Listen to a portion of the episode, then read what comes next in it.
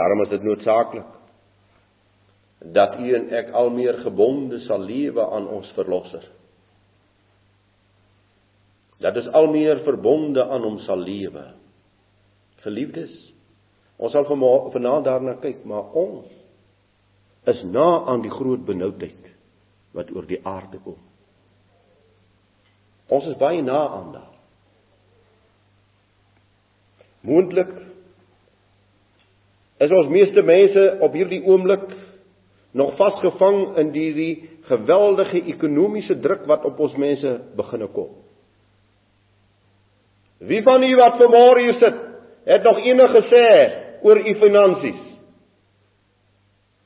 Hulle vat wat hulle wil vat. Hulle bepaal wat hulle wil hê. En ek en jy moet maar net betaal.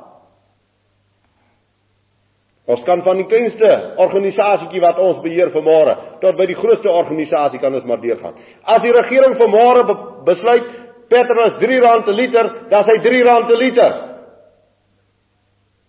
Hoeveel hulle daardeur lieg maak op die saakie? As die munisipaliteit vanmôre bepaal jou water is soveel, dan is jou water soveel.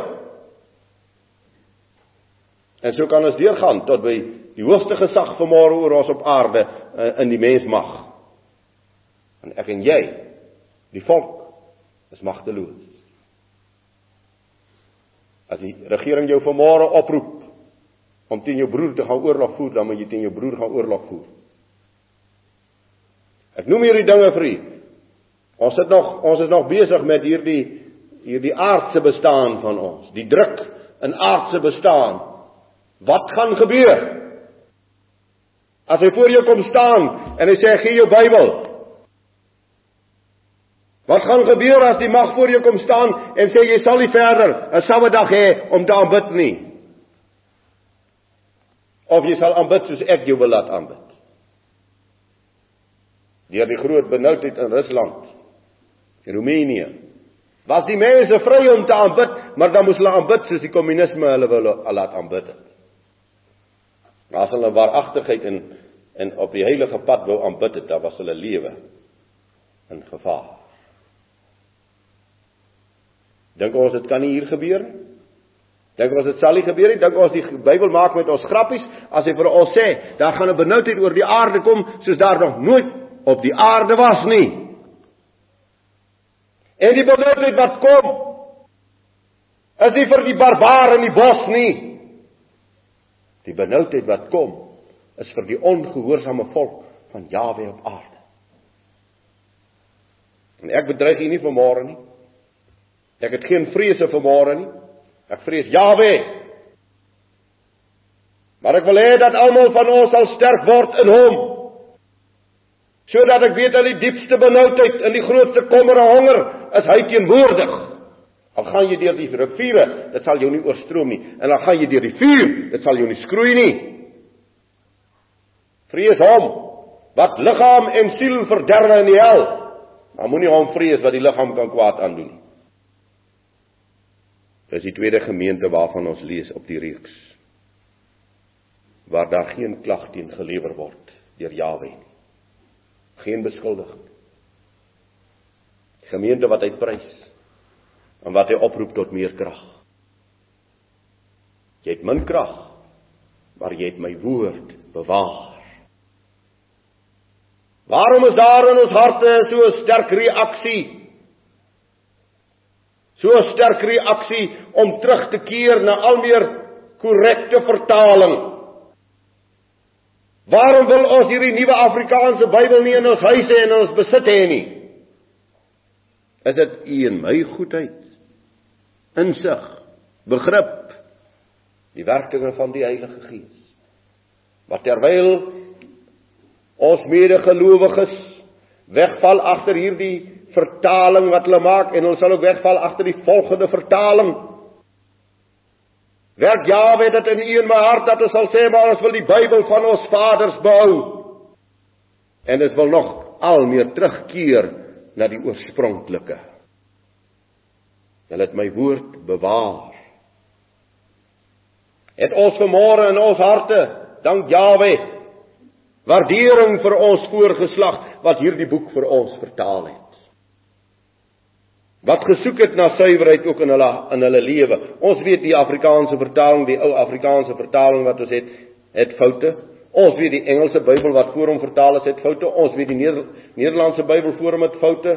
Ons weet die Griekse vertaling uit die Ou Testament het foute. Ons weet selfs in die Hebreëse manuskripte is daar foute. Maar ons soek terug na waarheid om hierdie woord te bewaar. Maar dit gaan nie slegs dat ek die vertaling sal korrek kry nie. Dit gaan dat ek die waarheid verklaring van die Bybel sal behou en sal ontslaa raak van vals verklaringe van die Bybel. Die dogmatiek waarvan ons praat.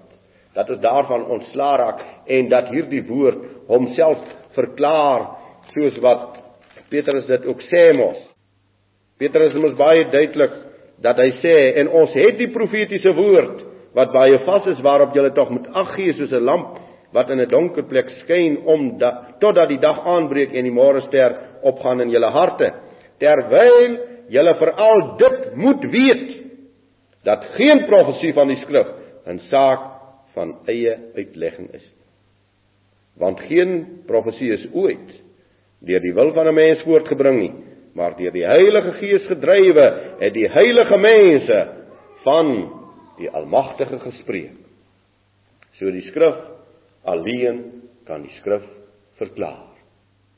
So die skrif geïnspireerde kan alleen deur die Heilige Gees verklaar word.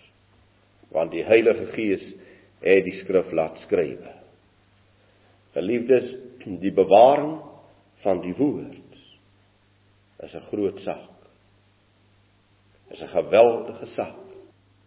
En as ek hierdie boek gaan vat en ek verklaar hom sommer so, dan's ek nie besig met die waarheid van die woord nie. Ek moet werklik sterk buig ondersoek voordat ek kan verklaar. Want as ek hierdie woord vernietig deur die verklaring wat ek gee, dan is ek onder die oordeel. Dit gaan nie dus net om die skrif op my tafel te bewaar, in my huis te behou nie. Dit gaan om die waarheid van hierdie skrif te ken en te lewe. Want u en ek in ons handel en wandel moet hierdie skrif lewe, anders bewaar ons nie die skrif nie. Is jy saam met my? As ons nie hierdie skrif leef nie, dan bewaar ons nie die woord nie. Hy sê, julle het min krag, maar julle het my woord bewaar. Julle het my woord gehoorsaam.